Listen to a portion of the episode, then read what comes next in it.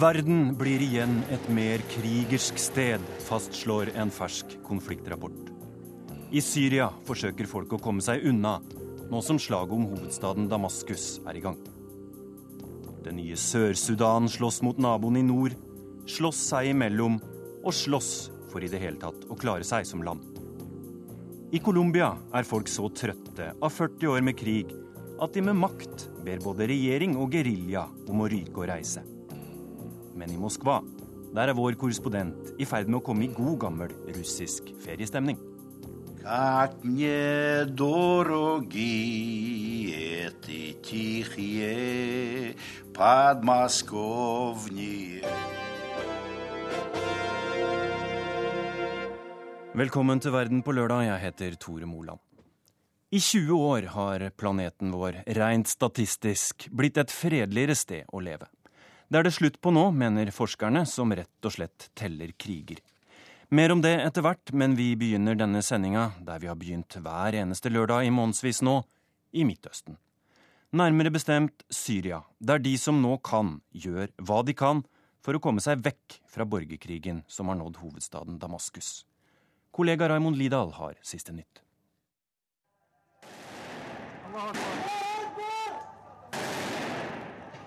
De kaller det Operasjon Damaskus Volcano. Opprøret har nå nådd hjertet av det syriske regimet. Og som en vulkan har den syriske opposisjonshæren Den frie syriske armé inntatt hovedstaden i Syria. Deres uttalte mål er å frigjøre Syria fra regimet til president Bashar al-Assad. De hevder at dette er det endelige slaget om Damaskus. Etter flere dagers militæroffensiv kom sjokkmeldinga onsdag på syrisk statlig TV. Opprørshæren hadde drept tre av president Bashar al-Assads aller næreste. Og det forberedte klimakset i militæroperasjonen var nådd. Forsvarsministeren var blant de drepne, men mer kritisk var det at Asef Shaukat òg ble tatt livet av.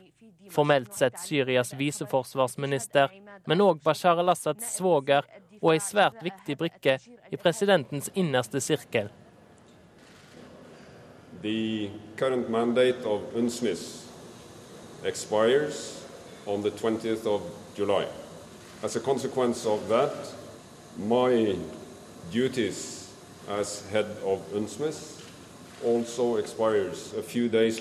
Her kunngjør den norske generalmajoren Robert Mood at han gir opp å leie FN-observatørene i Syria. Han mener partene i konflikten ikke har vist vilje til å bruke FN-observatørene konstruktivt, og at de heller ønsker å løse konflikten i gatene med våpen. Russia and China are failing in their responsibilities as permanent members of the Security Council to help resolve the crisis in Syria. Og resten av det internasjonale samfunnet ser ut til å stå på bar bakke samme dag som Mod gikk av, enda møtet i FNs tryggingsråd i absolutt ingenting. Russland og Kina la for tredje gang ned veto mot en resolusjon som vil kunne innføre straffetiltak mot regimet til Bashar al-Assad. De to landene, historisk sett nære allierte til Syria, er usamde i ordlyden til resolusjonsforslaget, og Vesten og USA vil ikke endre på han. Dermed er det opp til de to partene på bakken i Syria å komme til en ende på konflikten med våpen.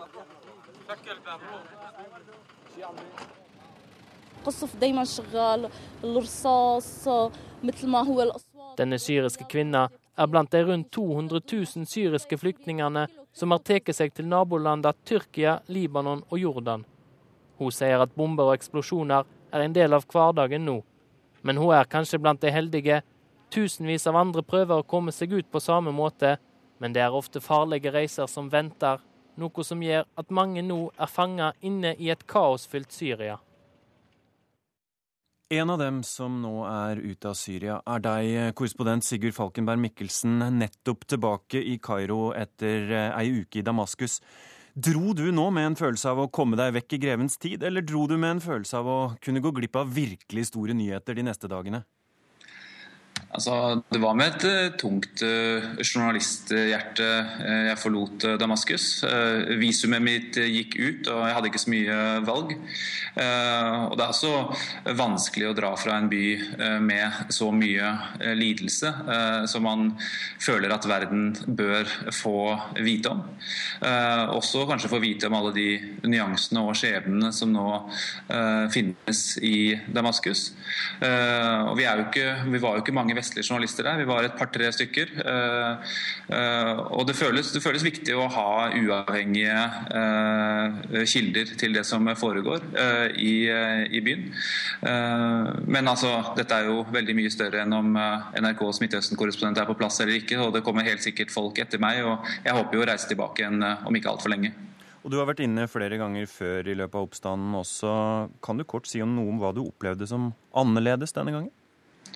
Ja, Nå var det helt tydelig at uh, krigen hadde kommet til Damaskus. Fram til nå så har jo Damaskus uh, levd is isolert uh, fra hendelsene i størsteparten av resten av landet. men nå har også frykten og krigen grepet Damaskus. og Vi var jo vitne til ting som kanskje mange hadde regnet med kom til å skje, men det er likevel noe annet når det utspiller seg i praksis. Altså, eh, og det å se og høre eh, byen bli bombet med artilleri, det er, et, det er utrolig kraftig og, og, og svært Eh, svært, eh, svært sterkt for de menneskene som bor i Damaskus, og selvfølgelig for de som rammes direkte av det, så, så står det jo om liv og død. og Det å gå eller være i Damaskus og se familier flykte uh, gatelangs med det de klarer å bære, en koffert, uh, uh, kanskje en sykkel, for å komme seg til en tryggere bydel, det, er, det gjør inntrykk. Tout bloqué ici, on peut rien faire maintenant. C'est pas possible, on peut rien faire. Vi sitter fast. Det er ingenting vi kan gjøre. Det er helt umulig. Det er krig, sier en ung mann. Gul hawaiiskjorte, tydelig stresset. Vi er i det sørlige Damaskus, hvor kampene raser dag og natt mellom opprørsstyrker og regjeringssoldater. I midten står de sivile, de som ennå ikke har klart å komme seg av gårde. Là-bas,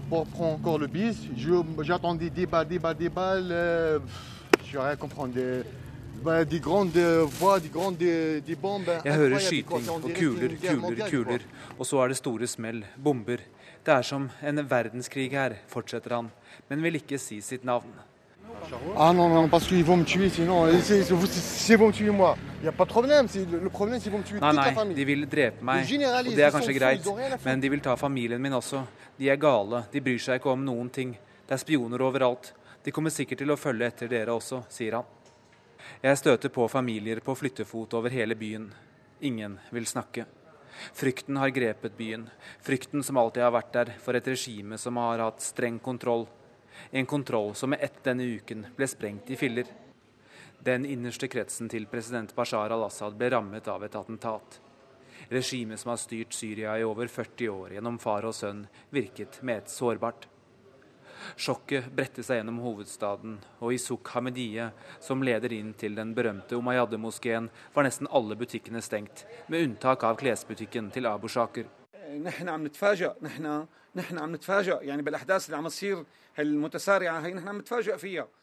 Vi har fulgt med på det som har skjedd i dag, og er virkelig, virkelig redde. Det var overraskende at et attentat kunne ramme de menneskene der. Men vi har tillit til staten og tror de vil klare å begrense denne voldsbølgen og straffe de som sto bak, sier han.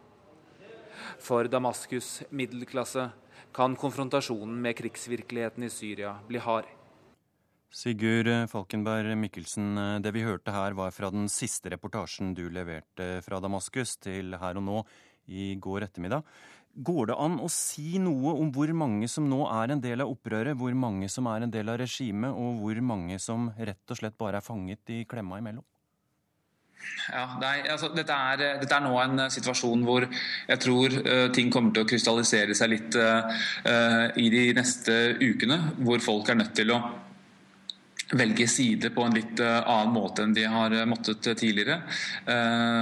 Og vi vil få en konfrontasjon tror jeg, mellom en del av hovedstadsbefolkningen og, opprørerne, i den forstand at de kjenner hverandre dårlig. Mange av de er redde for å miste den stabiliteten og også statusen de har hatt så langt. Og hvordan dette tipper, det er, det er, ikke godt å si akkurat nå. Jeg tror det avhenger av om regimet klarer å samle seg og slå den offensiven som er underveis tilbake. Skjer det, så, så kan de nok kanskje skaffe seg noe mer, noe mer støtte, særlig da blant Syrias mange minoriteter. Men hvis grepet sakte, men sikkert svekkes, hvis de f.eks. ikke klarer å ta tilbake disse grensepostene, hvis de ikke klarer å skape i hvert fall en form for ro, så, så tror jeg nok på sikt at opprørerne har, har bedre kort på hånden. Men jeg tror dette kommer til å ta lang tid, og jeg frykter at det kan bli svært blodig. og særlig, særlig de neste, neste dagene og ukene. Så pågår det jo da fortsatt internasjonale bestrebelser eh, i FN-regi. Det siste der at mandatet til de eh, ubevæpnede observatørene inne i Syria er forlenget med 30 dager. Observatører som jo egentlig skulle overvåke en våpenhvile. Hva, hva skal de gjøre nå? Ja, Det tror jeg nesten ikke de vet eh, selv engang. Eh, det Ban Ki-moon har anbefalt, er jo at eh, oppdraget forandrer natur. Altså at de går bort fra dette å kalle det et observatøroppdrag, og at det heller blir å, bygge nedenfra og opp kontakter mellom regimet og opposisjonen.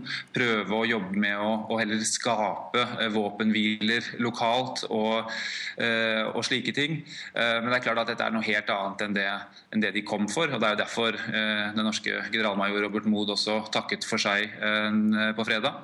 Eh, og det viser jo også at Kofi Annans fredsplan ikke hadde noen hold i virkeligheten.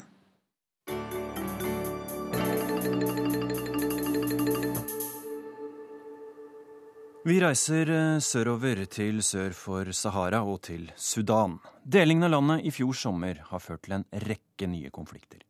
Nå forsøker presidentene i nord og sør å bli enige om en avtale om alt fra grenser til inntektsfordeling.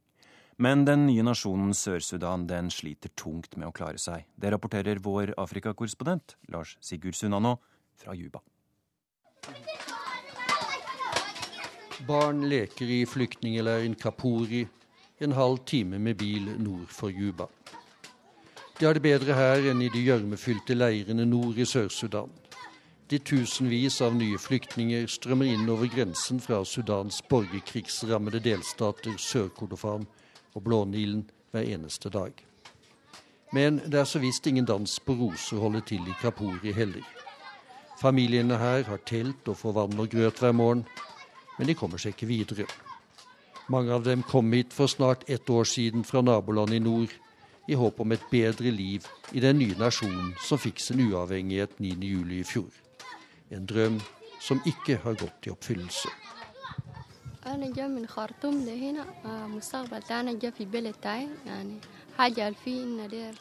Jeg kom hit fra Khartoum, og dette er nå hjemmet mitt, forteller hun.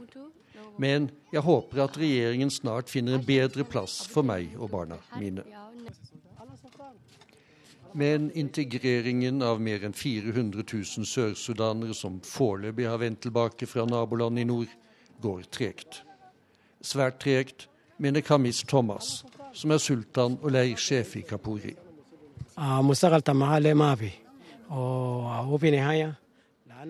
Folkene i denne leiren har ingen fremtid. De skulle vært sendt til andre steder, helst der de har slekt. Men de er blitt her. Jeg er likevel glad for at jeg er kommet hjem til Sør-Sudan, sier sultanen.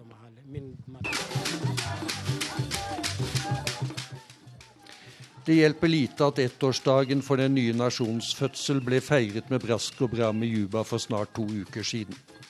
Feiringen kunne ikke dekke over et stadig større knippe av problemer som Sør-Sudan sliter med etter frigjøringen fra erkefienden i nord, påpeker FNs spesialrepresentant i landet, Hilde Frafjord Jonsson. Ja, Sør-Sudan eh, er nå i en situasjon hvor eh, det er et ganske stort uh, omfang på det jeg vil kalle en humanitær krise.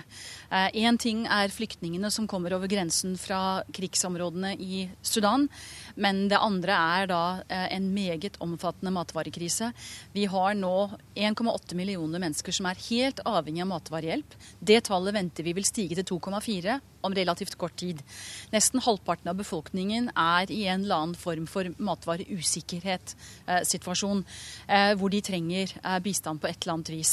Eh, vi har også internflyktninger, internt fordrevne. Og vi har også de som kommer og returnerer fra Sudan, som da vil bli nye borgere i sitt nye hjemland, men kommer uten noen ting. Eh, og Derfor så har vi en, en enorm eh, utfordring her for å hjelpe til å stille opp. Og på toppen av det hele har vi Sør-Sudan som akkurat nå ikke har eh, mange ressurser til å ta seg av sin egen befolkning. slik at... Hvor statskassen på det nærmeste er tom. Ja, Den eh, er ikke tom enda, men det er relativt eh, alvorlig eh, også på den økonomiske siden. Og Det tror jeg også er en av grunnene til at vi nå ser at president Bashir og president Salwa Kiir møtes i Addis Ababa og prøver nå å få løst de siste gjenstående spørsmålene. Og Forhandlingene foregår nå ganske intenst. Og vi håper at de kommer i mål. Da åpnes oljekranen igjen, og da er vi i gang med en, en liten forbedring av situasjonen. Men det vil ta litt tid før vi igjen får inntekter som kan gå til til eh, å drive denne, denne nye og uavhengige staten.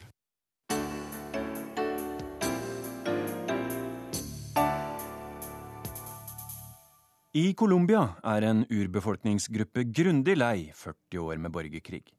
Nå har de gått til angrep på en militærleir for å få soldatene vekk og en slutt på krigen i sitt område. Også opprørsgeriljaen FARC har fått beskjed om å ryke og reise.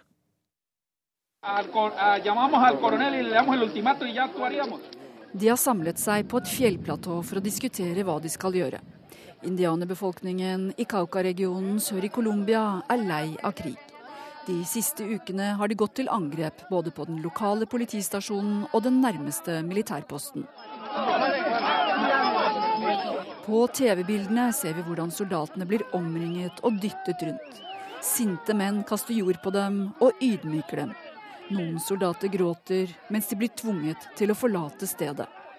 Til slutt klarer indianerne å okkupere området, uten at våpen ble brukt.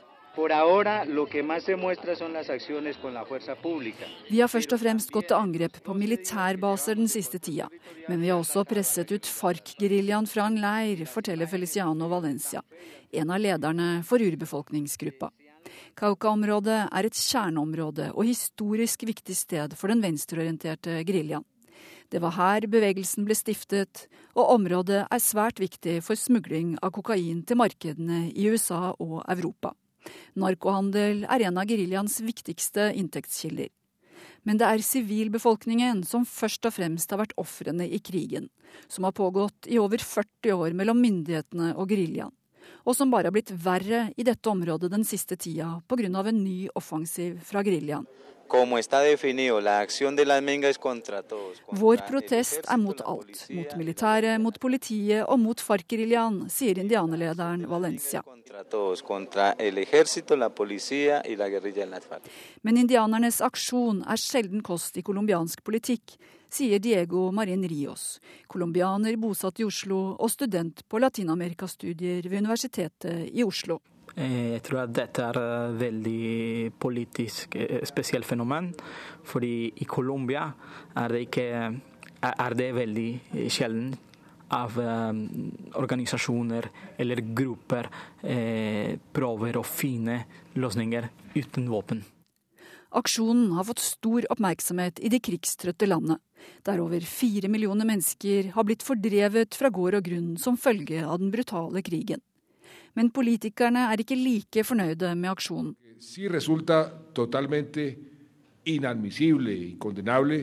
Det er uakseptabelt at indianbefolkningen har gått til angrep på våre soldater, sier president Juan Manuel Santos.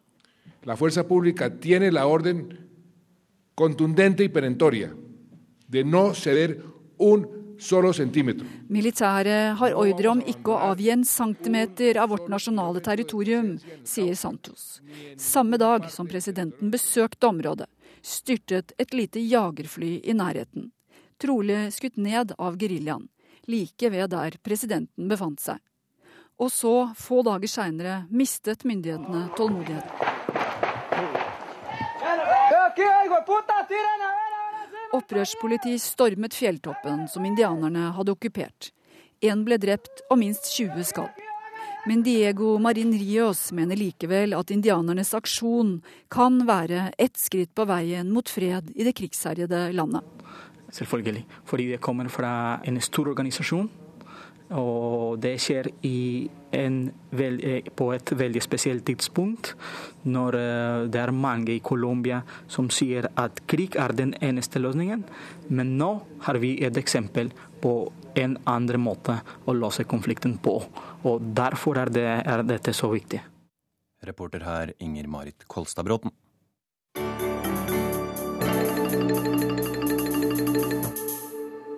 Så langt i sendinga har vi vært innom væpnede konflikter i Syria, i Sudan og i Colombia. Men hvordan står det egentlig til med konfliktnivået i verden?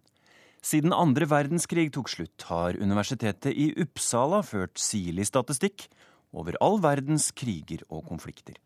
Og de siste ti åra har de gjort i samarbeid med Institutt for fredsforskning her i Oslo, og nå er rapporten for 2011 klar. Helge Holtemann, forsker ved PRIO. Hvorfor blir verden nå igjen et mer krigersk sted? Det vi ser da, er at eh, fra 2010 eh, til 2011 så, så vi en økning i antall konflikter fra 31 eh, til 37, som en 20% økning. Så verden ble betydelig mer voldelig da, i, i fjor. Men det Og dette bryter med tendensen fra de siste 20 åra? Ja, det stemmer. Så fra den slutten av den kalde krigen så har, har det vært en tendens til, til at uh, politiske konflikter har Det har vært færre væpna politiske konflikter. Så uh, fra, uh, fra da tidlig 90-tall så har det stort sett vært en synkende trend. Så, så en 20 økning, det, det, bryter veldig med den, den trenden som har vært. da. Ja, Hva er det som trekker opp nå?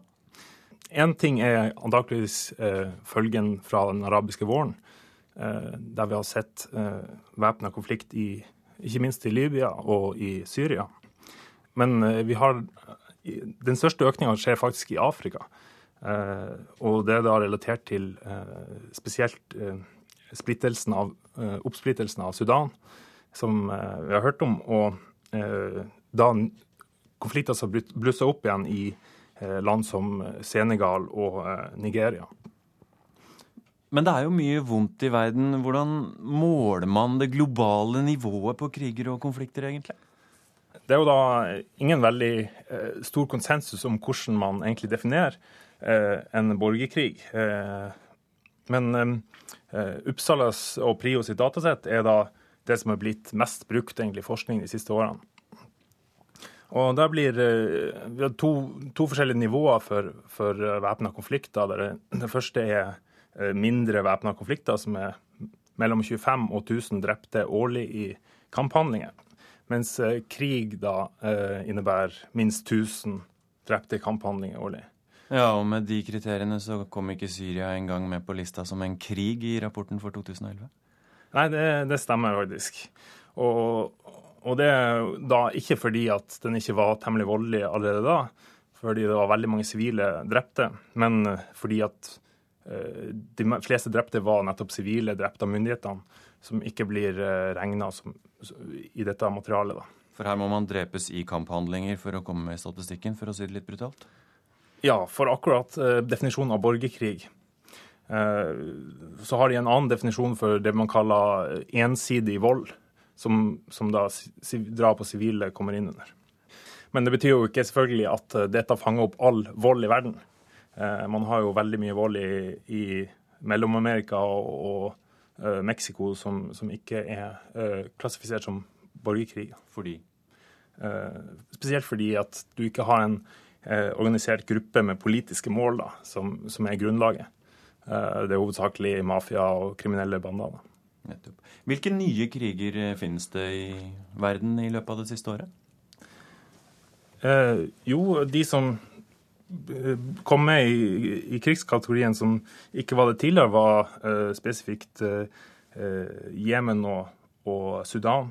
Eh, som tidligere også var eldre konflikter, men som da har blitt mer intensive i løpet av året. Og da Libya er da en helt ny konflikt som ble veldig fort, veldig voldelig. Ja. Er det blitt slutt på noen kriger, da? Eh, Ja, det er det som er da, eh, en av grunnene til den økninga. At så få kriger faktisk har slutta. Eh, så det var faktisk bare én fredsavtale underskrevet i, i, i 2011, og den varte ikke særlig lenge. Eh, og dette går da, eh, dette går da imot eh, den positive utviklinga vi har sett utover 90-tallet og 2000-tallet. At eh, veldig mange av de langvarige borgerkrigene da tok slutt. Som er egentlig hovedgrunnen til at antall konflikter har gått ned. Men etter da å ha ført statistikk over krig og konflikter siden 1946, er dere noe nærmere å finne ut hvorfor det er krig i verden, og hva man kan gjøre for å få slutt på det? Ja, jeg vil tro vi er litt, litt nærmere. Det, vi vet jo eh, vi vet om ganske mange av de generelle faktorene som øker risikoen for borgerkrig. Eh, de mest nevnte er jo eh, typisk fattigdom, svake stater, ikke stabilt demokrati og, og politisk ustabilitet. Det er det som kanskje er en hovedgrunn til at den arabiske våren kan, kan da føre til mer konflikt, væpna konflikt på kort sikt, er jo at du har veldig mye politisk ustabilitet i regionen. Eh, regimeskifter og, og, som da kan føre til muligheter for visse grupper til å, eh, til å ty til vold. Og, og, det man også er ganske sikker på, er at, eh, er at den økte, økte FN-tilstedeværelsen etter den kalde krigen har vært viktig for å, for å, få ned antall konflikter. Et av de vanskeligste, de vanskeligste spørsmålene er jo hvordan man får partene til å da inngå en bindende avtale. Og Der har FN vært spesielt viktig for å da betrygge partene om at avtalen kommer til å bli holdt. Eh, og det man kan håpe med den arabiske våren, er jo at eh, det på lengre sikt vil, være, eh, vil bli etablert stabile demokratier som da vil eh, ta vekk grobunnen for mye av de konfliktene som oppstår. Og at kanskje flere bevegelser eh, tar inspirasjon av de ikke-voldelige eh, protestbevegelsene som faktisk har fått til veldig mye i den regionen.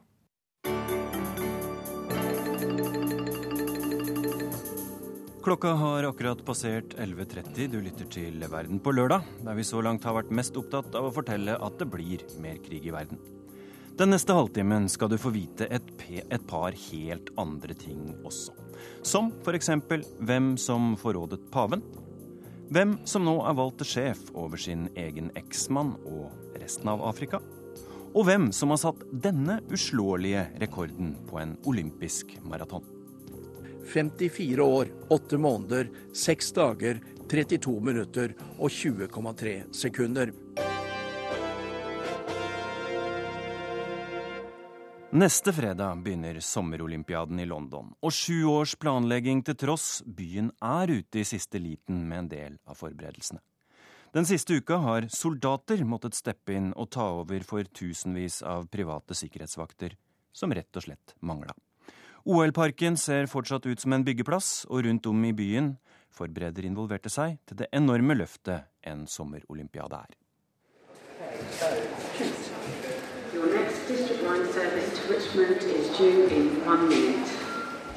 Så var debuten overstått. Kvinnen i 40-årene har gjort sin aller første annonsering over høyttaleren på Londons tube-system. Hun er en av tusener som skal bidra til at de neste ukene går så knirkefritt som mulig i millionbyen som forventer en kraftig økning i antall mennesker.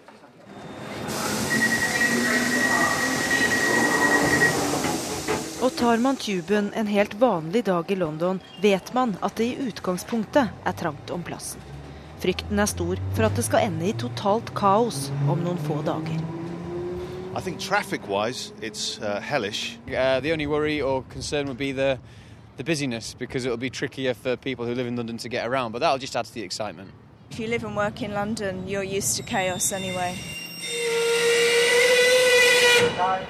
Selve OL-parken bærer også et visst preg av kaos. De ulike arenaene er nokså ferdige, men uteområdene minner mistenkelig om en byggeplass. Og sikkerheten er et ømt punkt i disse dager. I sikkerhetskontrollen på vei inn i parken blir vi sjekket av soldater og vokter fra et sikkerhetsselskap som har fått mye oppmerksomhet den siste uka. Det har nemlig ikke klart å levere tusenvis av lovede vakter. Dermed har soldater og politi blitt satt inn i siste liten for å ivareta viktige sikkerhetsfunksjoner. The, the lack of training also is, is something that should be a great concern. There's going to be huge amounts of people passing into the Olympics. Mangelfull opplæring bør bekymre, mener Robin Simcox, sikkerhetsanalytiker i tenketanken Henry Jackson Society.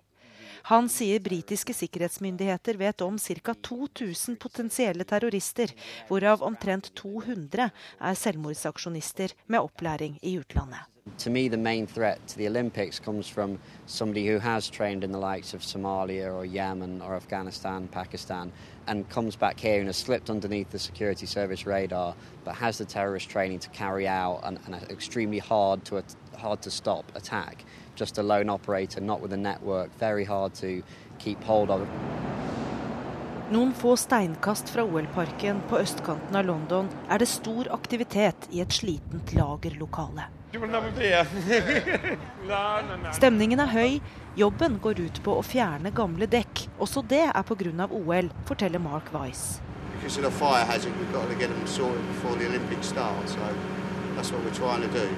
Weiss. Selv gleder han seg til selve idrettsfesten er i gang. I just enjoy the sports. I think it's, I like everything about it. It's great. What do you think it does to this area and to London? You know, it's lifted the area. Because it looks fine to me. Yeah. Do you think it will have any long-term consequence for Britain? Speaking to people around here, they don't seem to think it'll make a lot of difference. So what, uh, what do you hope for? Oh, us to win a few medals. That's what I hope for. Kollega Dave Foster ser også fram til å følge lekene på TV. Well, I do enjoy watching it on the telly. Young, fit people can do it. Watching the impossible, is it? Well, that is correct, yeah. For the youngsters now, isn't it? And I hope it goes off with no hassle whatsoever. Not too fast, Jim out. There may be a little bit of feedback. Opplæringen på T-banen er ett bidrag til å oppfylle håpet om en fest uten forstyrrelser av noe slag. Men terroreksperten Robin Simcox ser ikke like lyst på tiden framover. Verken de ukene lekene pågår, eller når festen er over.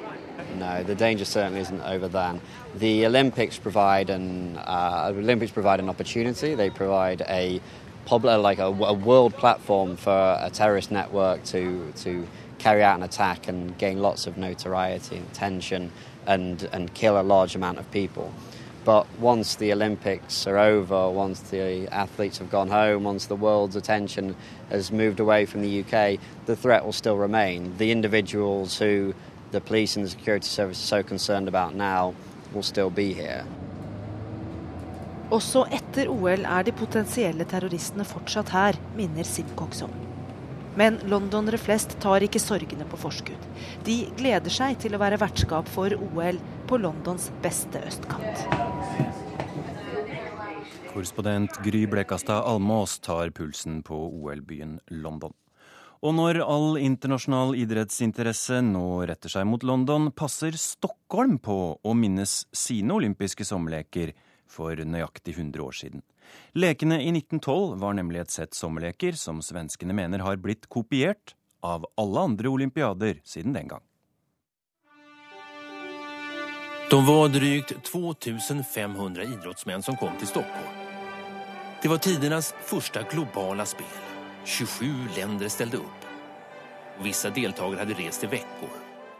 Slik skildrer TV-journalisten Jens Lind åpningsseremonien under de femte olympiske sommerlekene i Stockholm den 6. juli 1912. Det er fullsatt på innvigningen.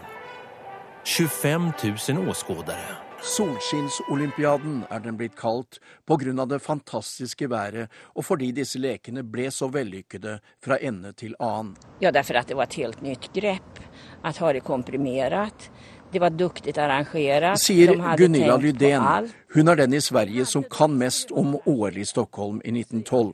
Det var hennes organisasjon, Sveriges sentralforening for idrettens fremme, som skaffet lekene til Stockholm.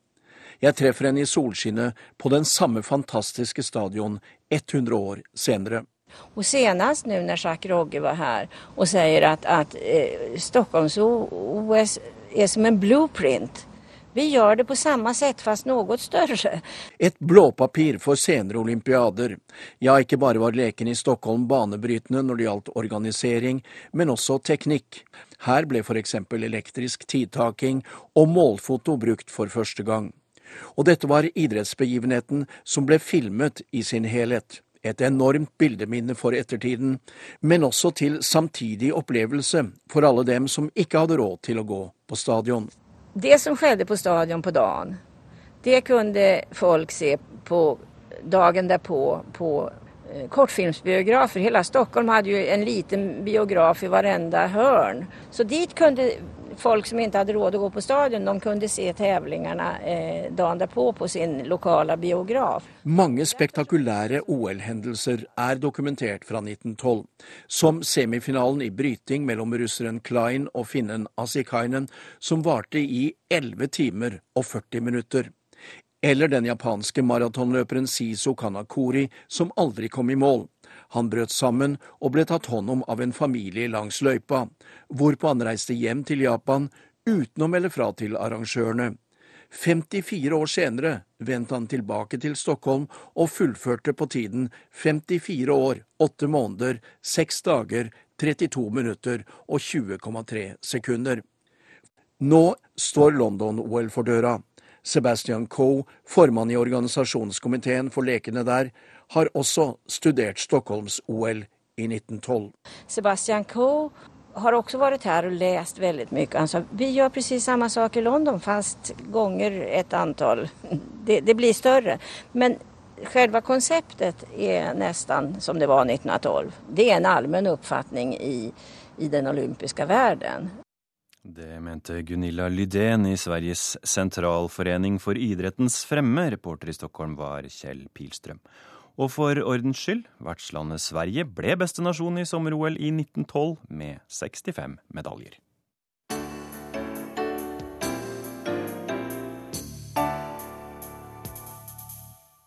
Den sørafrikanske legen og diplomaten Nkosasana Dlamini Suma ble denne uka valgt til ny kommisjonsleder for Den afrikanske union.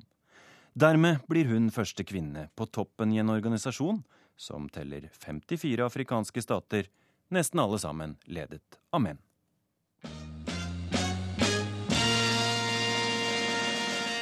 Anyone, therefore, who dares... Mes chers compatriotes, we cannot destroy the correct idea. It has become imperative to take some decisive measures. Robert Mugabe, Kabila, Museveni, Goodluck Jonathan, al-Bashir. De har alle dyp røst, stor mage og et enormt ego. Og det må man jo ha hvis man skal være sjef i Afrika, eller First, I just want to say it is indeed with honor and humility that uh, I, I accept um, the election as the chairperson of the African Union Commission. Plutselig en kvinnestemme blant alle mennene. Hun står på talerstolen kledd i fargerike gevanter og et gult og rødt hodeplagg. Nettopp valgt inn som sjefen over alle sjefene. Nkuzazana Dlamini Zuma, den nye lederen for Den afrikanske union. Hun blir til og med sjefen over sin eksmann, Sør-Afrikas president Jacob Zuma. And I would like to my election should not be seen as a personal victory, but it should be seen as a victory for the African continent in general and for women in particular. Det pågikk en knallhard maktkamp under Den afrikanske unionens toppmøte i Addis Abeba sist helg. Ikke bare mellom én kvinne og mange menn. Konfliktlinjene lå også mellom de fransktalende og de engelsktalende, og mellom de små og de store. Det er ikke Sør-Afrika, men jeg som individ som kommer til Addis for å bidra og gjøre mitt beste. Og jeg ser ikke hva størrelsen på landet mitt har med det å gjøre, sier den 63 år gamle legen. Hun var aktiv i kampen mot apartheid og har vært både utenriks-, innenriks- og helseminister i Sør-Afrika. Alt dette vil komme godt med i hennes nye jobb, der utfordringene står i kø. La situation au Mali et ses répercussions régionales constitue, à n'en pas douter, une des plus graves menaces qui pèsent sur la sécurité et la stabilité du continent. Konflikten i Mali er definitivt den største trusselen mot Afrikas sikkerhet og stabilitet, sier Jean Ping, avtroppende leder for Den afrikanske union. Ellers vil Dlamini Suma få bryne seg på konflikten mellom Sudan og Sør-Sudan, ny krise i Kongo og islamistiske terrorister i Nigeria. Og hun ønsker nå at Den afrikanske unionen skal komme sterkere på banen. Unionen ble opprettet i 2002 og er en samarbeidsorganisasjon mellom 54 nasjoner i Afrika. I Libya-konflikten mente mange at unionen ikke hadde nok påvirkningskraft. Det ønsker Afrikas nye, sterke kvinne å gjøre noe med. Og vil nå bl.a. gå inn i Mali med en egen fredsstyrke.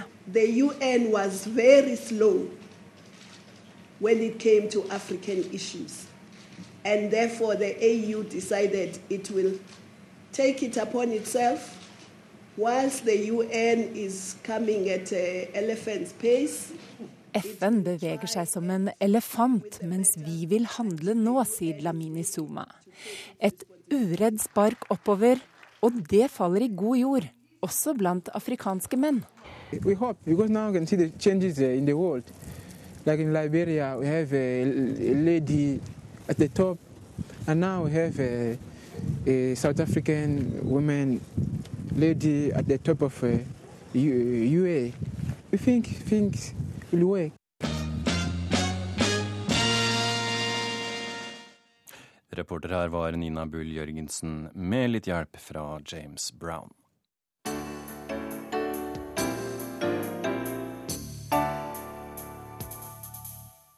En av dere skal forråde meg, var det en gang en kar som sa. Og nå ser det sannelig ut til at Jesus stedfortreder på jorden, pave Benedikt 16., også har blitt forrådt.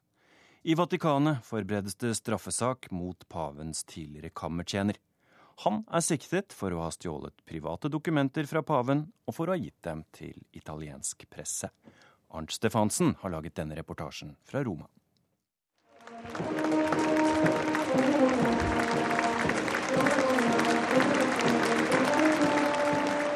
Vatikanet i Roma for et drøyt år siden. Jeg står på Petersplassen sammen med rundt 30 000 pilegrimer og ser paven bli kjørt inn i sin såkalte papamobile, den skuddsikre bilen der han kan stå og vinke til sine begeistrede tilhengere.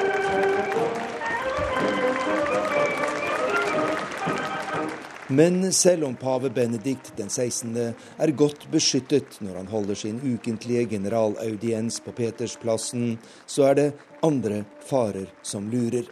En av dem som står ved hans side og varter ham opp under audiensen, er Paolo Gabriele, pavens kammertjener siden 2006. Gabriele er en av pavens mest fortrolige medarbeidere, og noen måneder senere springer bomben.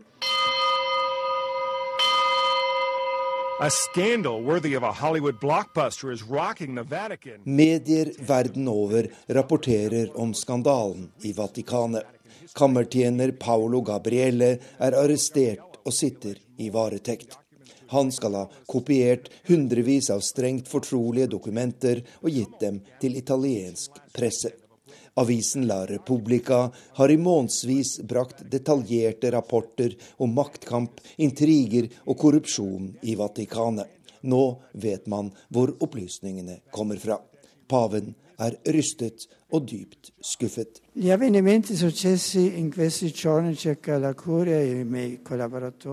Begivenheter den siste tiden som angår en nær medarbeider, har fylt mitt hjerte med sorg, sier Benedikt den 16. Men menneskelig svakhet til tross vil Den hellige ånd holde sin hånd over vår kirke, og jeg vil fortsatt ha tillit til mine medarbeidere. En annen sak er at enkelte medier har brukt lekkasjen til å spre grunnløse rykter og har gitt et bilde av Vatikanet som ikke har noe å gjøre med virkeligheten, sier paven.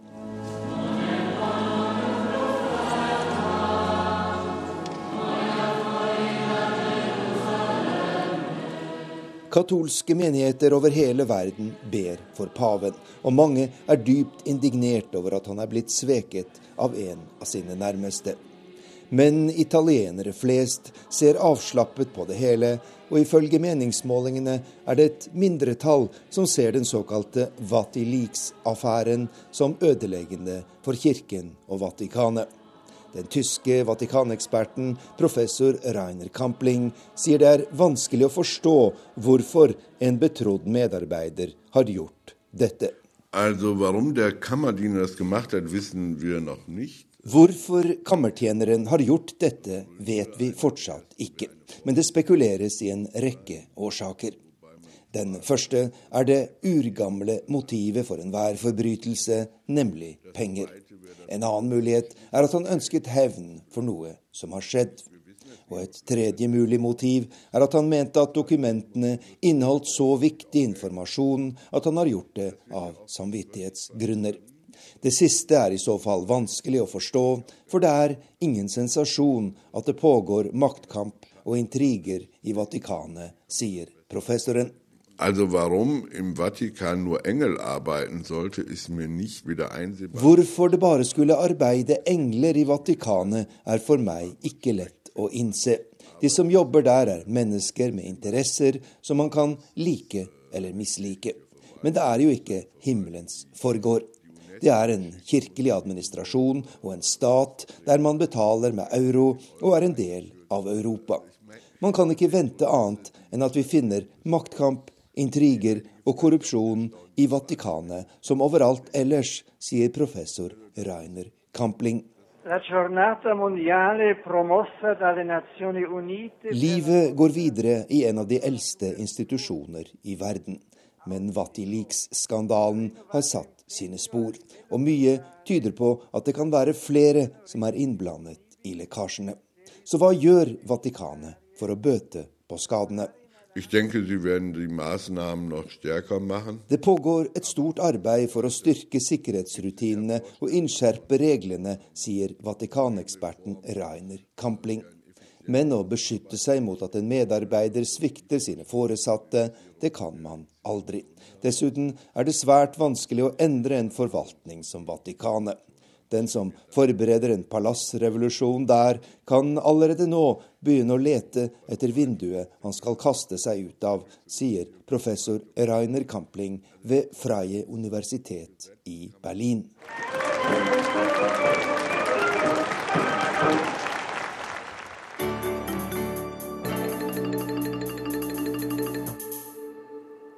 Korrespondentbrevet, nå midt i sommerferien, er postlagt i Moskva. Det tar for seg Russland som ferieland, på godt og på vondt.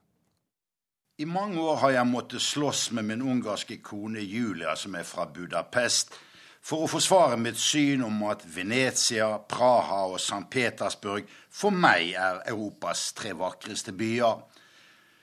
Da legger jeg den helt spesielle skjønnheten i disse tre byene til grunn, vel vitende om at det storslåtte imperialet fins både i Roma, London, Paris, Wien og Budapest. Å entre Russland gjennom Russlands vindu mot vest, som St. Petersburg ble kalt etter at Peter den store grunnla byen i 1703, anbefales på det sterkeste. At Norden rommer en by på 5,5 millioner innbyggere, to millioner flere enn i Berlin, er kanskje ikke noe alle nordmenn er seg helt bevisst. St. Petersburg ligger nemlig like langt mot nord som Stockholm og Oslo. Selv om det går på hell med de hvite nettene, som de nordiske sommernettene kalles i St. Petersburg, er det mye å få øye på fortsatt. For den som er på leting etter en tilknytning til Norden i St. Petersburg, er det bare å gå til de berømte røde fyrlyktene foran børsen på Vasilieøyen. Dette ligger rett overfor vinterpalasset på bredden av Nevaelven.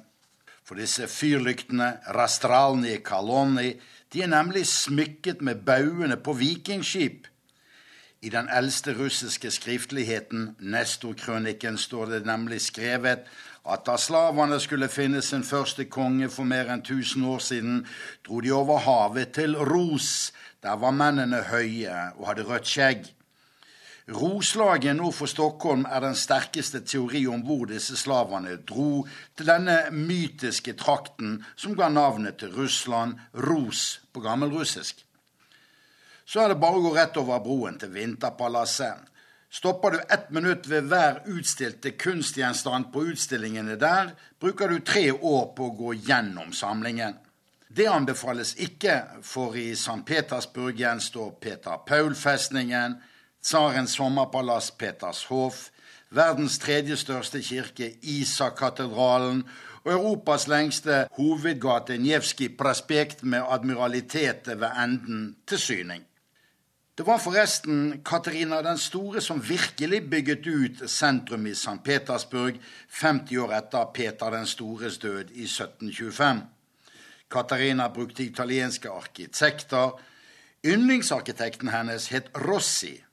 Etter vel utført jobb tilbød den eneveldige tsarinaen Rossi å bygge sin yndlingsgate akkurat der hvor hun ville ha det keiserlige ballettakademiet liggende. Det gjorde også Rossi, og Rossigaten i dag er på centimeteren like bred som husrekkene på begge sider er høye. En geometrisk unik gate. Du finner Rossigaten ved Lenkebroen over den vakre Fontanka-kanalen, en helt unik gate i denne verden. Lyntoget tar bare fire timer sørøstover de 900 km hit til Moskva fra St. Petersburg. Fremdeles har Russland bredere sporvidde på jernbanene enn Vesten, et gammelt tiltak som skulle vanskeliggjøre invasjon fra vestlig side. Det virket ikke, men de russiske togene de virker veldig godt samovar i hver vogn om du tar nattoget, og ingen forsinkelser. Så kommer du natten over til Jernbanetorget her i Moskva, som innbyggerne i St. Petersburg foraktelig kaller den store landsbyen. Og klart nok, frem til 1945 var Moskva i bunn og grunn en ganske støvet russisk provinsby, for keiserbyen, det var jo St. Petersburg i samfunnet 300 år. Etter at det kommunistiske statskuppet brøt sammen i august 1991, sto jeg bak et initiativ for å få flyttet hovedstaden tilbake fra Moskva til St. Petersburg. Min gode venn Leonid Gorjevitsj, som ledet utenrikskomiteen i Russlands øverste sovjet, støttet denne tanken, og han målbar den til og med fra talerstolen i den lovgivende forsamling i Det hvite hus. Men Boris Jeltsin bare lo av oss, en av Jeltsins mange feil her i livet. Nå sitter vi imidlertid altså her i Moskva, og om byen ikke er verdt en messe, så byr Moskva på verdens mest berømte politiske sentrum, Kreml, med den røde plass rett utenfor murene. Alle suvenirkjøp kan du utsette til Ismailovskij park her i Moskva. I hvert fall er dette Europas største loppemarked med ikoner og samovarer i fleng. Hvor ferierer så russerne selv? Det er viktig å huske på at de mistet viktige ferieområder ved Svartehavet den gang Sovjetunionen gikk i oppløsning for 21 år siden. Da forsvant både Krimhalvøyen med Jalta, som ble liggende i Ukraina, og Aprasia, som ble liggende i Georgia. Så fem-seks millioner drar årlig til Tyrkia på sommerferie nå. Der er det billigere enn i Sotsji, og servicen er mye bedre. Denne sommeren ble Kuban-området langsmed nordøstkysten av Svartehavet rammet av katastrofal flom etter regn som ødela byen Krimsk. Så der i gården har nok lokalbefolkningen litt andre å tenke på enn turister denne sommeren. Aprasia på Svartehavskysten sør for Sotsji løsrev seg fra Georgia og er i dag en liten stat som er helt avhengig av Russland. Denne sommeren ville mange russiske bilturister dra til Aprasia. Men denne uken var det et helvete i 45 graders varme for å krysse grensen mellom Russland og denne ministaten. Russisk statsfjernsyn viste bilder av fire dagers lange bilkøer på denne statsgrensen, der grensepoliti og tollere gjør helvete hett med utidige, totalt meningsløse kontroller av arme russiske bilturister. Sist helg sverget mange av disse russiske turistene at dit skulle de aldri mer reise. Det rår vilt rot i russisk toll, sa statsminister Dmitrij Medvedev sist søndag. Men er det noen som leser opprørsparagrafen for bestikkelseskåte tollere og grensevakter mellom Russland og Aprasia? Nei. Da holder mange russere seg klokelig heller på hytten, inne i de store russiske skogene som russerne elsker, med sine grillspyd, spekk og vodka, pluss en dukkert i en kald innsjø like ved mellom slagene. Der sitter de i Moskva-netter og synger Как мне дороги эти тихие подмосковные вечера Eller hvor de står meg kjært, disse stille nettene i Moskva-traktene. Intet mer, intet mindre. August er selve den store feriemåneden i Russland. Litt mer velbeslåtte russere har kastet sine øyne på Norge. Bergen alene har besøk av 20 000 russere hvert år. Jeg forstår dem ærlig talt ganske godt, jeg. Norge er vel ansett som ferieland blant russerne fordi de ikke føler seg uglesett i Norge, viser egne russiske turistundersøkelser. Russerne vil ha økologisk ren og rolig ferie ut fra parolen 'Small is beautiful'. Etter 16 år samlet botid i dette russiske ferieparadiset starter min egen sommerferie om en uke etter akkurat den samme parolen 'Small is beautiful'. Det skjer på familiens landsted på vinberget Sankt Ignatius på nordbredden av Balatonsjøen i Ungarn, bare med en avstikker med bil til familiehytten Sjølund i Borre i Vestfold. Ifølge Meteorologisk institutt har kyststripen fra Horten til Lavik flest soldager fra mai til oktober, så jeg legger trøstig ferievær i Vår Herres hender. Han straffer oss når han må, åpenbart denne sommeren som i fjor i Norge. Men hva er vel et regnskyll når man kommer fra Bergen? Hans-Wilhelm Steinfeld, Moskva. Og det rapporteres om 13 grader og regn i Bergen i dag, mens sola skinner på den aldri ferierende verden på lørdag-redaksjonen her i Oslo. Lisbeth Sellereite, Silje Lykke Spjelkavik og Tore Moland ønsker fortsatt god sommer.